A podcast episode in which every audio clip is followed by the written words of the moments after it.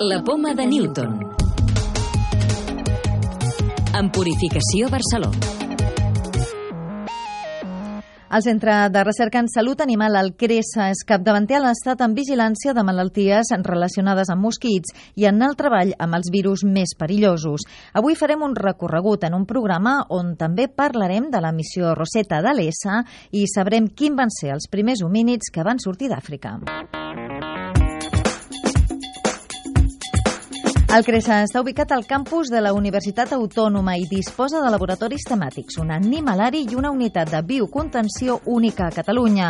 El seu director és Joaquim Segalés. Treballem amb agents exòtics que no tenim al país. Per exemple, pesta porcina clàssica, pesta porcina africana, el virus de la febre del Vall del Rift, el virus de la influença viària d'alta patogenicitat, el MERS coronavirus. Tots aquests agents, com que teòricament no els tenim al país, els hem de tenir en contenció, els hem de tenir dins d'una fortalesa. Una fortalesa amb unes mesures de seguretat extremes. És necessari entrar-hi absolutament despullat i canviar-se l'interior. Lògicament, depenent de la gent, utilitzarem uns o altres equips de protecció individual. Poden anar d'una simple mascareta i uns guants, gairebé com una escafandra amb respiració assistida, que lògicament impressiona bastant cada vegada que entrem i sortim, sobretot la sortida, l'entrada no necessàriament, però la sortida sempre ens hem de dutxar. A vegades inclús l'entrada, a vegades inclús per protegir els animals, que no siguem nosaltres que els infectem a ells. Hi ha gent que es pot dutxar al dia 4 o 5 vegades i si parles amb gent que treballa a l'animalari, potser el rècord està en 10 o 12 dutxes en un dia l'aire que surt del centre està doblement filtrat per uns filtres d'alta eficàcia que s'anomenen EPA. I tot el que seria residus orgànics, tot això és tractat químicament per tal de després poder anar a fora del centre sense cap mena de perill. Els objectius del centre són descobrir com funcionen les patologies que estudien, millorar-ne els diagnòstics i desenvolupar possibles vacunes. L'ESA decideix que la sonda Rosetta aterri sobre el cometa 67 PEP el 30 de setembre per posar fi a la missió. Ho ha confirmat Michael Kuipers, l'investigador de la missió.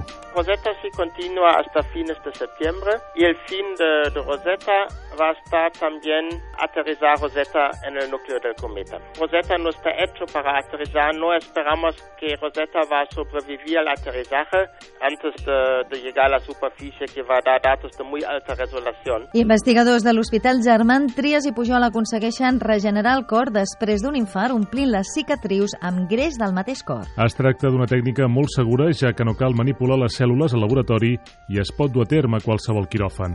Reduir les cicatrius després d'un infart és molt important perquè es tracta de zones mortes del cor que poden comportar una insuficiència cardíaca i mort sobtada, així com una pèrdua de qualitat de vida del pacient. La Universitat Carlos III investiga quins seran els motors aeroespacials del futur. El projecte centra a desenvolupar nous sistemes de propulsió basats en el plasma que utilitzen energia electromagnètica per aconseguir l'acceleració.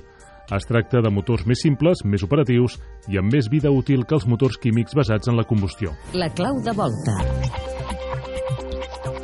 Quin homínid va sortir primer d'Àfrica?